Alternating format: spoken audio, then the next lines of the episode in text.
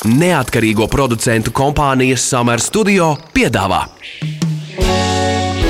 Ķepa uz sirds par viņiem, mūsu pašiem labākajiem draugiem. Raidījumu atbalsta Borisa un Ināras Teterevu fonds. Esiet sveicināti, darbie Latvijas radio pirmā kanāla klausītāji. Raidījums ķepa uz sirds ir klāts. Mani sauc Magnus Eriņš. Mani sauc Inese Kreitsberga. Labdien, labvakar visiem! Nu, reķepa uz sirds mēs gana daudz runājam par to, cik svarīgi ir aizliegt turēt suņus pie ķēdes. Saimnieku argumenti - suns skrien prom no sētas, savukārt citos gadījumos sēta vai žoks saimniecībā nav vispār. Kādi varianti ir saimniekam, ja apmācība neizdodas, bet suni pie ķēdes arī negribam turēt? Vai ir kāda iespēja, ka suns uzturas savā teritorijā? Šodien mēs diskutēsim par un pret radiosētu. Vai elektrosēta nenodara sāpes sunim, un vai te var vispār runāt par pozitīvu apmācību? Un studijā šodien pie mums ir kinoloģija Laina Kupča. Labdien! Labdien! Vēlāk sazināsimies arī ar suņu saimnieci Undīnu Liepiņu, kura pastāstīs par savu pieredzi lietojot radio jeb elektrosētu sunim. Ķepa uz sirds jautā ekspertam. Lai klausītājiem būtu skaidrs, par ko mēs šodien runāsim, formulēsim, kas tieši ir šī radiosēta. To sauc par e-siksnu, elektrosiksnu, tālvadības dresūras sistēmu, komunikācijas ierīci, jā, jā, pagarināto roku un tā tālāk. Tā ir kakla siksna, kurai pievienota kastīte ar iemontētu signālu uztvērēju, kas aktivizē ierīci. No tās tiek novadīti elektrostatiskie sitieni tieši suņa ādā. Lai ierīce darbotos, sunim šie elektrostatiskie sitieni jāsaņem pietiekoši sāpīgā intensitātē. Laine, vai tad nesanāk tā, ka visi šie smalkie nosaukumi šai ierīcē, ko minēja Magnus, vienkārši ir izdomāti, lai to visu pasākumu nosauktu pēc iespējas draudzīgāk sunim, bet patiesībā tas ir tāds elektriskais gans, jeb nav?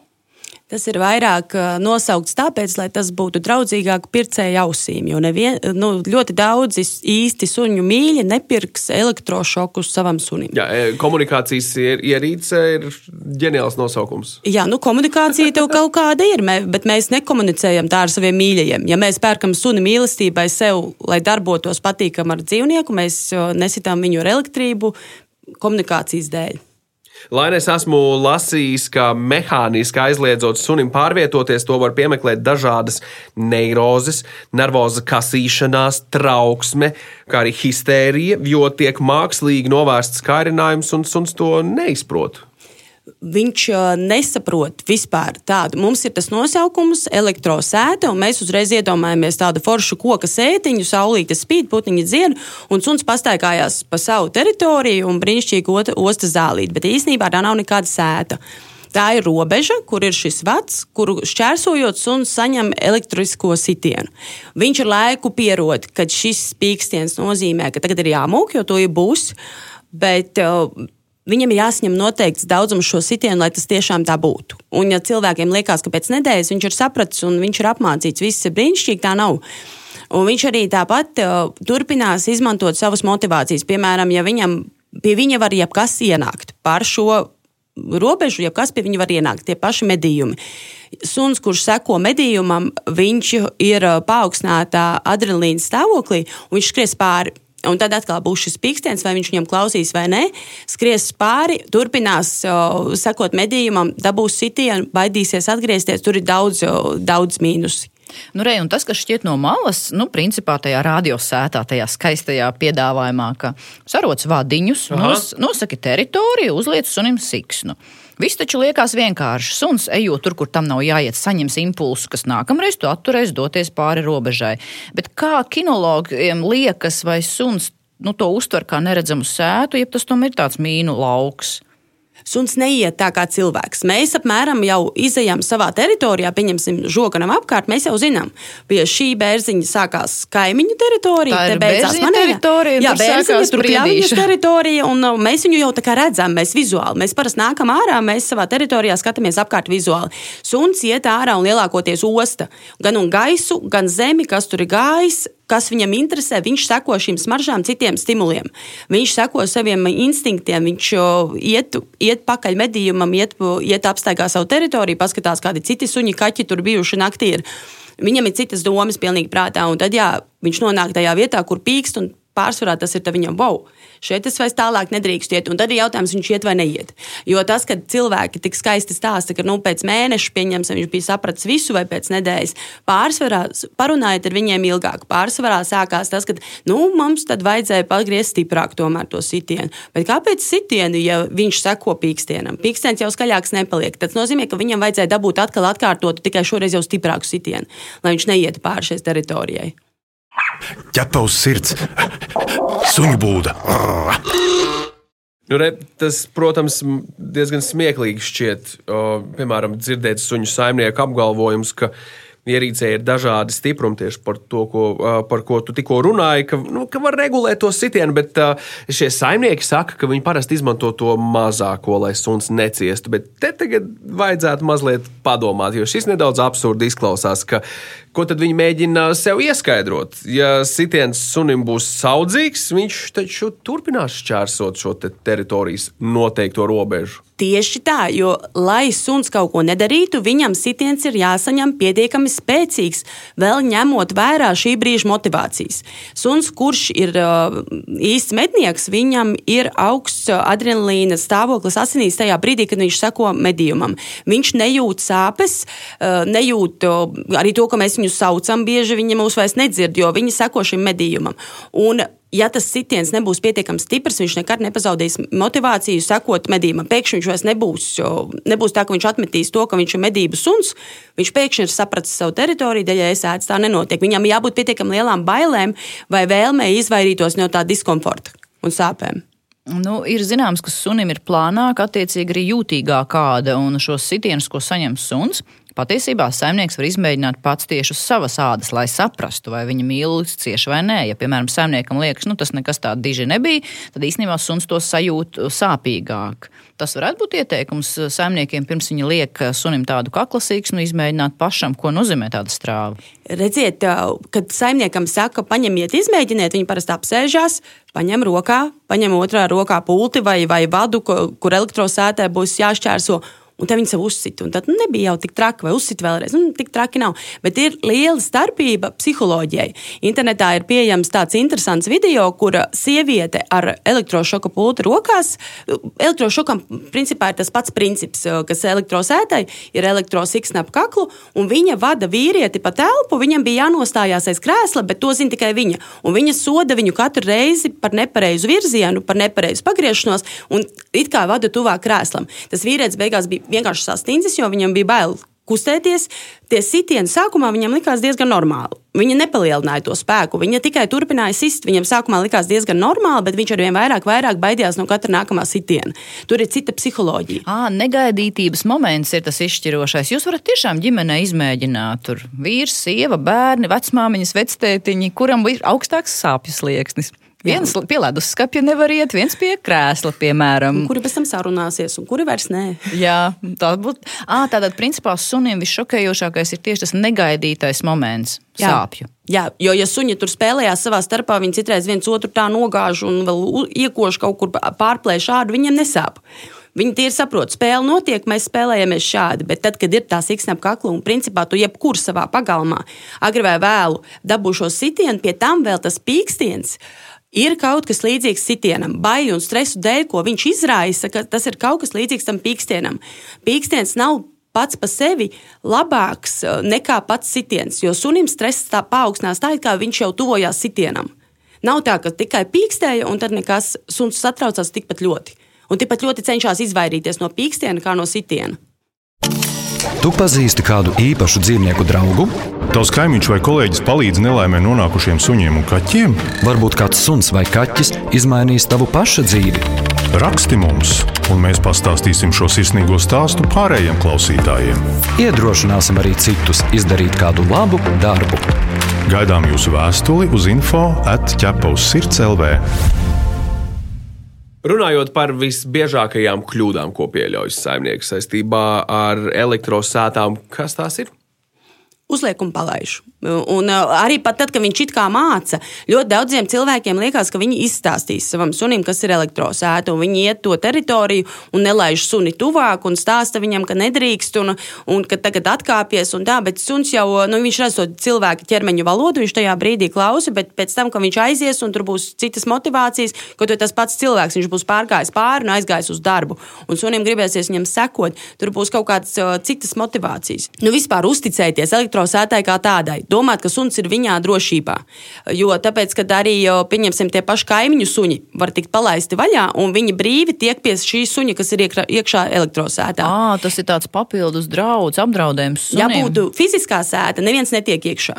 Tie paši vilki, kas diezgan daudz laukos siro un suņus aplasa, viņi netiek iekšā. Ja tur ir īstā sēta, viņi netiek iekšā. Ja, ja sētas nav, ir šī it kā elektrosēta, ko mēs saucam par sētu, bet kas nav sēta tad viņi tiek un tie kaimiņi, un, un, un, un tas ir, suns ir apdraudēts. Viņš var tikt pāri otrā pusē.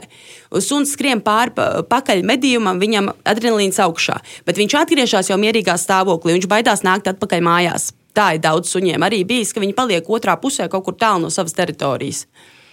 Atgādinām, ka pie mums studijā šodien ir kinoloģija Laine Kupča, un mēs diskutējam par to, ko nozīmē radiosētas sunim, vai tās ir mocības mīlulim, jeb risinājums saimniekam. Šo radio pārēdi, protams, varēsiet dzirdēt arī populārākajās straumēšanas lietotnēs, podkāstu formā, kā arī mājaslapā www.ķepus.CLV arhīvu sadaļā. Ķepus sirds skaidro faktus. Laina tieši jā, nu, nu pat ko tu minēji par to, ka arī kinologi uzsver, ka vissvarīgākā ir tieši saimnieka apmācība, lai tas zinātu, kā sunim ierādīt šo ierīci. Nevar tā vienkārši pielikt, atvērt instrukciju, to nelasīt un pielikt sunim kaklasīgs un domājot, ka viss notiks. Bet ko nozīmē tā apmācība? Nedēļas, mēneši, kas ir tas pats galvenais? Tas ir pa, pakāpeniski, nu, kas ir tas pats būtiskākais, ko varbūt tie saimnieki palaiž garām un, un beigās ir problēmas. Tas ir tas, ko es teicu, tas ir visu mūžu. Jūs parunājiet ar cilvēkiem, kam ir elektrosētas. Nu, neviens neteiks, nu, sākumā teiks, ka viss ir labi. Viņš iemācījās nedēļas, mēnešu laikā, visu saprata un viss ir brīnišķīgi. Bet pēc tam runājiet dziļāk, paprasiet, kā tad ir, cik stipri bija jāliek tā sēta, un jūs pamazām sapratīsiet, ka visu laiku notiek pārmaiņas. Tad ir suns sapratis, ka pa to pusi viņš var saņemties un pārskriet pāri atkal, atkal notiek šī apmācība. Tas ir viens, un otrs ir, es piedaru pie tiem kinologiem, kas nekad neiesaka elektrosētu. Mums vienmēr ir izvēle ņemt suni vai neņemt. Un, un šobrīd kameras maksā lētāk mēnesī nekā, ja tu ņem līzingā kameru, maksā lētāk nekā ņemt suni. Tas runājot par aizsardzības funkcijām, ko teorētiski daudz domā, ka suns pilda vai ne. Signalizācija un, un video novērošanas kameras tik tiešām ir ļoti labs veids, kā pasargāt savu īpašumu un kustamo un nekustamo mantu. Laine, runājot, atgriežoties atpakaļ pie, pie šīm ierīcēm, pie šīm elektrosētām, vai vispār ir suņi, kuriem, piemēram, tieši šāda būtu paredzēta, noderīga? Tiešām ir. Es Tādi nevi... gadījumi. Vai tas ir izmērs suņa vai šķirne? Redziet, ir šķirnes, kurām jūs neredzēsiet bailes. Viņi no tā, ka viņam apdraud viņu, viņam uzšauj ar šo elektrību, viņi kļūst vēl vairāk gatavi cīņai. Viņiem ir rasta gaisā, viņi ir pieņem šo cīņas pozīciju. Viņi izskatās, viņiem nav bail. Viss Kur ir brīnišķīgi. Varbūt mēs varam minēt. Nu, tie, paši, tie paši Kaukāza aitu suņi, Vidusāzijas aitu suņi, nu, cīņu suņu šķirnes, kas it kā tika paredzētas cīņām sen atpakaļ radītas. Patiesībā viņu ķermeņa valoda neparādīja, ka viņam Jā, neparādīja. Ir ļoti daudzi suņi, kas, kuriem neparādīja ķermeņa valoda, bet tajā pat laikā viņi var radīt asociācijas ar šīm sāpēm, ar to, kas notiek ārpusē. Pieņemsim, iet garām tas suns, viņš jau tā bija gatavs doties pie šī suņa, izskaidroties, kāpēc tu esi pie manas teritorijas darījis. Un, uh, tagad viņš saņem vēl šo sitienu, un viņam radās tās negatīvās asociācijas, ka tiešām jā, visi suņi man uzbruk.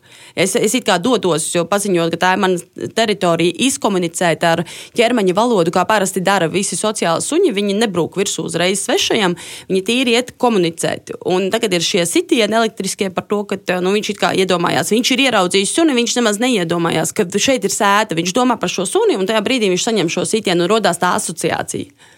Nu, re, mēs apjautājām arī dažus um, cilvēkus, suņu saimniekus, kuri ir lietojuši radiosētu sunim. Ir vēl nianse, ko manā izpratnē šie saimnieki dara kļūdaini. Piemēram, apjošu teritoriju ar šo elektrosētu. Suns jau apmēram iemanījies aptvert, kur būs sāpīgi. Bet tad saimnieki izdomā, oi, šajā puķu dobē es arī negribu, lai suns kāpj, un te arī varbūt nē. Un tad viņi sāk mainīt to teritoriju un ierobežot. Vai suns to vispār var aptvert un saprast, ja tās robežas teritorijā visu laiku tiek mainītas? Jā, mēs jau tos, es saku, vajag tos stāstus prasīt dziļāk. Jo it kā uzliku sētu, un viss bija labi. Tas ir tas, ko saka pirmo. Bet tad sākās jā, šī tā, sētas mainīšana, ka suns jau vairs īsti nezina. Viņš sa, sadzird pīkstienu tur un te, un vakar te nebija, un tagad jau ir. Tagad man jāatkāpjas principā no visera. Un tad ir jautājums, jā, ko tie suņi dara. Vai viņi vienkārši pierod, jo ir suņi, kas pierod. Viņam motivācija ir pietiekami liela, lai viņš iet pāri šai sētai un darītu savas lietas. Un viņš aizsmiedz acis, kā mēs esam dzirdējuši, ja, un viņš pliež pāri sētai un skrien. Un, un dara tāpat savas lietas. Un tad ir tie suņi, kas sāk baidīties no visiem pīkstieniem. Jo viņš sāk saprast, ir, ka tie pīkstieni ir praktiski visā vidē, kur viņš dzīvo. Un viņš jau vairs nezina, kur viņš dabūs ar elektrību, bet kurš šoreiz pīkst, pieņemsim, telefons vai, vai plīts mājās, kad ir uzcepusies gaļa, jā, pīkst un, un līdzīgs. Viņam liekas tas pīkstiens, un viņam liekas, to es atkal dabūšu ar elektrību. Uzklausīsim suņu saimnieci Undīni Liepiņu, kura ir ar mieru dalīties par savu pieredzi radiosētas sakarā. Ķepa uz sirds noskaidro vai pieredze ar radio sētu ir pozitīva jūsu dzīvē vai negatīva? Pozitīva viņa ir uh, tieši apmācībā ar suņiem. Negatīva pašas sētas uh, ilgmūžībā, teiksim tā, cik ilgi tur tas vecs šo apmācību. Kādā ziņā, cik ilgi tur tas pats vecs, ko ierok? Jā, tas pats vecs, ko ierok. Tas mums īstenībā nekalpoja ilgi. Nu, vadam jau nebūtu kā tā nekāda vaina, bet uh, tik līdz viņu ierok zemē, tā ir kurmji, kas viņu pārok. Mums tas bija, nu, tik atkal rodas ārā, labo, rodas atpakaļ. Tad nolēmām mēģināt turēt tā kā virs zemes, lai jau ir uh, zālītē pie pašas zemes, bet diemžēl tad uh, ir grauzēji, kas pārgrauž. Um, Undīna, visās apmāc, apmācībās un arī instrukcijās teikts, ka suns pie rādio sēdes ir jāapmāca. Ko tas nozīmē un cik tas bija sarežģīti? Tas nozīmē, eh, tur arī, protams, rakstīts, ir tādi speciāli karodziņi, kurus liek pa šo perimetru, kur ir ieraksts tas vats vai, vai nostiepts. Saimnieks pats eh, pirms siksnas uzlikšanas jau arī var apiet šo perimetru ar suni pie pavadiņas, pastīties, cik tālu mēs ejam. Protams, ideāli, ja ir laiks, eh, ko veltīt šim darbam, mūsu gadījumā viņa nebija. Nu, tā var nedēļa būt, ka tu ar suni ej tikai pa šo teritoriju, neiet nekad nekur pāri. Nu, iemāc jau to, ka tu tālāk ar suni neej un tikai tad sāc uh, likt to kakla siksnu. Uh, nu, un arī, attiecīgi, protams, tev jākontrolē. Tu nevari pirmās nedēļas uh, laist suni ārā šo kakla siksnu un pats neredzēt, kas notiek. Un, Dīna, sakiet, kā bija redzot, ka suns saņem sitienus, vai, vai jūsu emocijās parādījās arī žēlums pret, pret, pret mājdzīvnieku? nu, protams, ka ir žēl mājdzīvnieku. Man ir arī tad, ja viņš uzkāpjas kaut kā asa vai, vai vai kaut vai ieskrien mājas durvīs ātri spēlējoties. Uh, bet man daudz vairāk būtu žēl, ja mans suns uh, skrienot pie tiem kaimiņiem, kā viņi toreiz draudēja, piemēram, ar asaru gāzi, piparu gāzi, jā. Vai ja viņš, pieņemsim, uzskrien uz ceļa un viņu notriec mašīnu, man būtu krietnī vairāk viņa žēl nekā, ja viņš iemācās šo te teritoriju, labi kaut vai caur sāpēm, bet attiecīgi tajā brīdī nebija īsti citu variantu un laika viņam iemācīt ievērot savu teritoriju. Runājot par, par sāpēm, vai testa nolūkos esat pati paņēmusi šo kakla siksniņu, suņu kakla siksnu un, un devusies pa perimetru, nu, patestēt, cik tad stipri uh, jā, sit elektrība? Kā bija? Protams, tas arī teikts tajā māc, mācību tajā aprakstā, kad arī pašam jānotestē. Bet, uh, Kā nu, bija? Jums var, jā, nu, judināšana, kā jau, kad ir mazs strāvas trieciens, nezinu, kad pieskaras uh, pārgraustam badam lampiņas, nu, arī var dabūt tādu pašu triecienu. Protams, sunim jau tas būs atkarīgs arī, cik viņš pats ir jūtīgs, cik viņam biezs skažoks un bieza āda. Ir jau suņi, kuri arī nejūt šo triecienu un iet tāpat savā dzīvē, kā viņiem ienāk prātā. Bet, uh, nu, maniem suņiem viņi jūta un viņi ļoti ātri izvēlējās vairs nejust šo triecienu un neiet ārpus savas teritorijas. Nu, lūk, vai jums, Undīna, ir kāds ieteikums mūsu klausītājiem, citiem cilvēkiem, kas ir izvēles priekšā šādu iekārtu, likt iekšā savā teritorijā, vai tomēr ne? Nu, mans ieteikums ir pirmkārt apsvērt, varbūt tomēr ir iespēja uztaisīt sētu žogu aplikt, kas, protams, ir dārgs prieks, bet tas ir visefektīvākais, nu, lai suns neiziet ārpus teritorijas un neienāk pie viņa arī sveši suņi. Bet uh, Protams, labāk uzlikt radiosētu nekā izvēlēties suni turēt pie ķēdes vai caurām dienām voljerā. Ja ir iespēja iegādāties radiosētu suni apmācīt, tad uh, tas noteikti viņam būs daudz, nu, daudz lielāka iespēja izkustēties un tomēr būt kopā ar saimnieku un būt savā teritorijā. Tu esi mans draugs, ķepus sirds. Laine, tu dzirdēji tikko, vai ne, kā mēs visi pārējie par šo pieredzi, kas tev kā kinoloģija ir sakāms? Tā ir, manuprāt, tāda vairāk izskaistināšana. Mēs iedomājamies, ka ar to suni otrā pusē kaut kas varētu notikt pavisam slikts, un tad jā, labāk ir ar elektrību. Protams, ka es negribu, lai man suni notriec mašīna vai, pieņemsim, kaimiņš nošauj nedodies, bet uh, Kāpēc iedomāties to sliktāko pusi, ja mēs varētu paņemt otru pusi, kas ir labākā puse, un nodrošināt suni ar sētu, ar pastaigām. Ja nav iespēja nodrošināt sētu, jā, tad šīs pastaigas, vajadzīgo slodzi, būšana kopā ar savu cilvēku, un pēc tam būšana atkal savā telpā, iekštelpās, kur viņš gaida nākamo nodarbošanos ar sevi. Ja tam cilvēkam tiešām nav laika nodarboties tik daudz ar suni, Tad ir jautājums, vai izvēlēties vispār dzīvi kopā ar suni. Jo man personīgi pašai, pie manis nāk mācīties vairāk suņi, kas dzīvo laukos, laukos, kur tiešām ir ļoti, ļoti daudz darba, un šie cilvēki ir ļoti aizņemti, un viņi savus suņus ir ievadījuši savā ikdienā. Nav nevienas elektrosēdes vai elektrošoka, jo viņi mācās pie manis. Es to pilnīgi noliedzu šādu apmācību veidu un nodrošināšanas veidu. Un viņiem tā diena ir bagāta kopā ar saviem cilvēkiem. Viņi brauc uz tirgiem, ir kopā, viss notiek. Viņi socializēti forši suņi, kas pēc tam mājās var atpūsties. Nu, es pareizi saprotu, ka labāk risinājuma kā būšana kopā ar suni un, un žoks vai sēta nav. Vai es pareizi saprotu, ka to rādio vai elektrosētu izvēlas saimnieki, kuri varbūt zemapziņā domā, ka nu, viņi tomēr to laiku varēs ietaupīt, lai tik daudz nav jāpavada. Nu, tas tāds šķietam vieglākais risinājums. Man liekas, ka mūsu valstī vēl ir tas, ka daudz to dara. Un tad vēl kāds pastāsta, ka viņš AliExpress nopirka un viss ir brīnišķīgi par 20 eiro, un man tagad strādā tur desmit gadus, un viss un suns klausa, un viss viņam patīk. Bet tā īsti nav taisnība, protams. Tas ir viens, un uh, otrs vēl ir tas, ka uh, mēs jau paši labi zinām, kur mēs esam dzīvnieku aizsardzībā savā valstī. Mēs esam vienā no pēdējām vietām. Un tā kā mēs kā suņu mīļi turpinām uzdot jautājumus, vai ir normāli sist savu suni ar elektrību, vai nav tomēr normāli sist savu suni ar elektrību, tas jau parāda mūsu līmeni. Jo, pieņemsim, tās augstākās, diskusija, vai ne?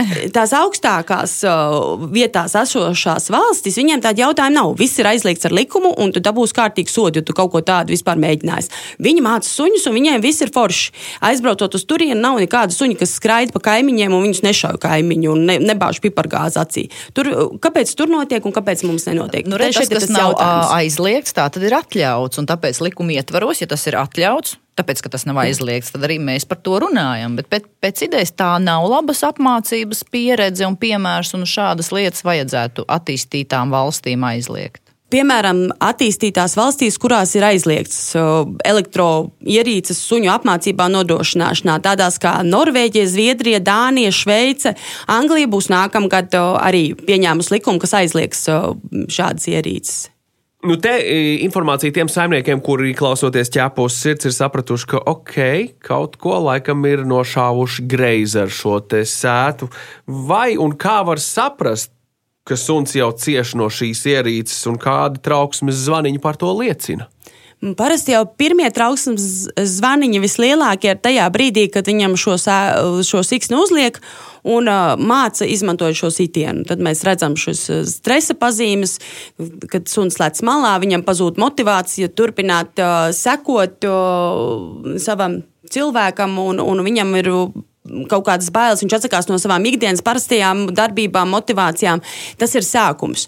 Bet pēc tam ir tā, ka uh, nav tik viegli pateikt trauksmes zvaniņus. Protams, ja mēs zinām, ka mums suns baidās no pīkstieniem, mēs varam sasaistīt. Ja suns ir sācis uh, mazāk atsaukties, tad, kad tu viņu sauc savā pagalmā, tas arī var būt saistīts tieši ar šo uh, paaugstinātā stresa stāvokli. Uh, mazāk sadarboties, pieņemsim, iekštelpās viņš forši sadarbojās, pagalmā viņš ir vairāk savā pasaulē, viņš dara tur savas lietas. Tu nevari piesaukt savu suni tuvāk šai sētai. Tas jau ir neusticība tam, ka viņš zina, ka tur sāpēs un tagad tu tur esi. Un, bet, principā, lai saprastu suņa uzvedību un pateiktu, ka sunim ir šīs problēmas tieši dēļ elektrosēdes, ir jārunā dziļāk ar katru suņu saimnieku. Visur kopā - ķepus sirds. Nu, labi, bet tad, um, nu, tā tad ir varianti. Cilvēks varbūt sācis lietot šo sētu, viņš to pārtrauks, uh, vai viņš tagad ir izvēles priekšā. Tad nu, reāli ieteikumi tiem, kas šobrīd jau ir saklausījušies un saprot, ka nevēlas savam sunim šo nodarīt, bet suns turpina skriet prom no teritorijas. Kas varbūt ir tas pats? Ātrākais risinājums. Tas ir varbūt gaisa trose, kamēr kaut kas tiek cits atrisināts. Ķēdes es neieteiktu nekādā gadījumā. Labākais un vieglākais veids, vieglākais it kā liekas, bet tomēr tas tiešām ir vieglākais, ir nodrošināt suni ar viņam ikdienā vajadzīgo. Kā es stāstīju par tiem lauku suņiem, kurus es mācu, viņi ikdienā dara ar saviem suņiem lietas kopā ievadīt suni savā ikdienā, veikt pastaigas, dot ostīšanās uzdevumus, vest viņu cilvēkos. Viņš nogurst, viņš domā pa dienu, un viņš mājās ir mierīgs. Ja gribās ļoti savu suni obligāti turēt ārā, nu, aplikt sētu ap māju, nav jāpliek sēta ap desmit hektāriem zemes. Aplikt sētu ap māju, aplikt ap mājas priekšu. Tīri, lai viņam ir tā skriešanas vieta. Voljērs, kā tāds maziņš voljērs, jā, nu, maziņam Tur nebūs viņam labi, un suns iznāks tikai sastresojies vairāk ārā. Bet, ja tev darba laikā vajag kaut kur braukt un strādāt, un tu neesi mājās un negribās sunu iekštelpās atstāt, uztaisīt lielāku zonu, kur viņam skriet. Nu, re, skaidrs ir tikai tas, ka principā suni teritorijā var noturēt, ja tā robeža, un uh, robeža ir acīm redzama, jānovelk šīs līnijas, suns neredz neredzamas sētas vai, vai, vai, vai kādus uh, vadus, ko ir izdomājis saimnieks. Tas viņam viss ir mistisks un nesaprotams. Uh, kādi Magnus tev secinājumi? Mani secinājumi tādi, beigu beigās arī Latvijā šādas, uh, šādas mocību ierīces aizliegtas tiks laika jautājums tikai es ceru. Un es ceru, ka ne pārāk ilgu laika jautājums. Jo, ja civilizētā pasaule ir pierādījusi, ka bez tā var iztikt, es pieļauju, ka mēs arī bez tā varēsim iztikt. Lielas paldies, Lainē, ka atradi laiku šodien viesoties pie mūsu raidījumā ķēpos sirds. Paldies! Un paldies arī Undīnai par uh, savas pieredzes izklāstīšanu šajā pat raidījumā ķēpos sirds. Murrājam! ķepavs sirds! Bet mēs atgādinām, ka ķepavs sirds TV raidījumam varat sekot līdzi katru sestdienu, 11.15 un atkārtojumās svētdienās LTV1. Mēs arī gaidām jūsu jautājumus, ierosinājumus, idejas, sižetiem rakstiet mums uz info atķepavs sirds LV. Bet šajā raidījumā tas ir arī viss. Mani sauc Inese Kreitsberga. Mani sauc Magnus Eriņš. Raidījumu veidoja neatkarīgo producentu kompānija Summer Studio. Visu labu! Atā. Ķepa uz sirds! Informatīvi izglītojošs raidījums par dzīvnieku pasauli un cilvēkiem tajā. Raidījumu atbalsta Borisa un Ināras Teterevu fonds.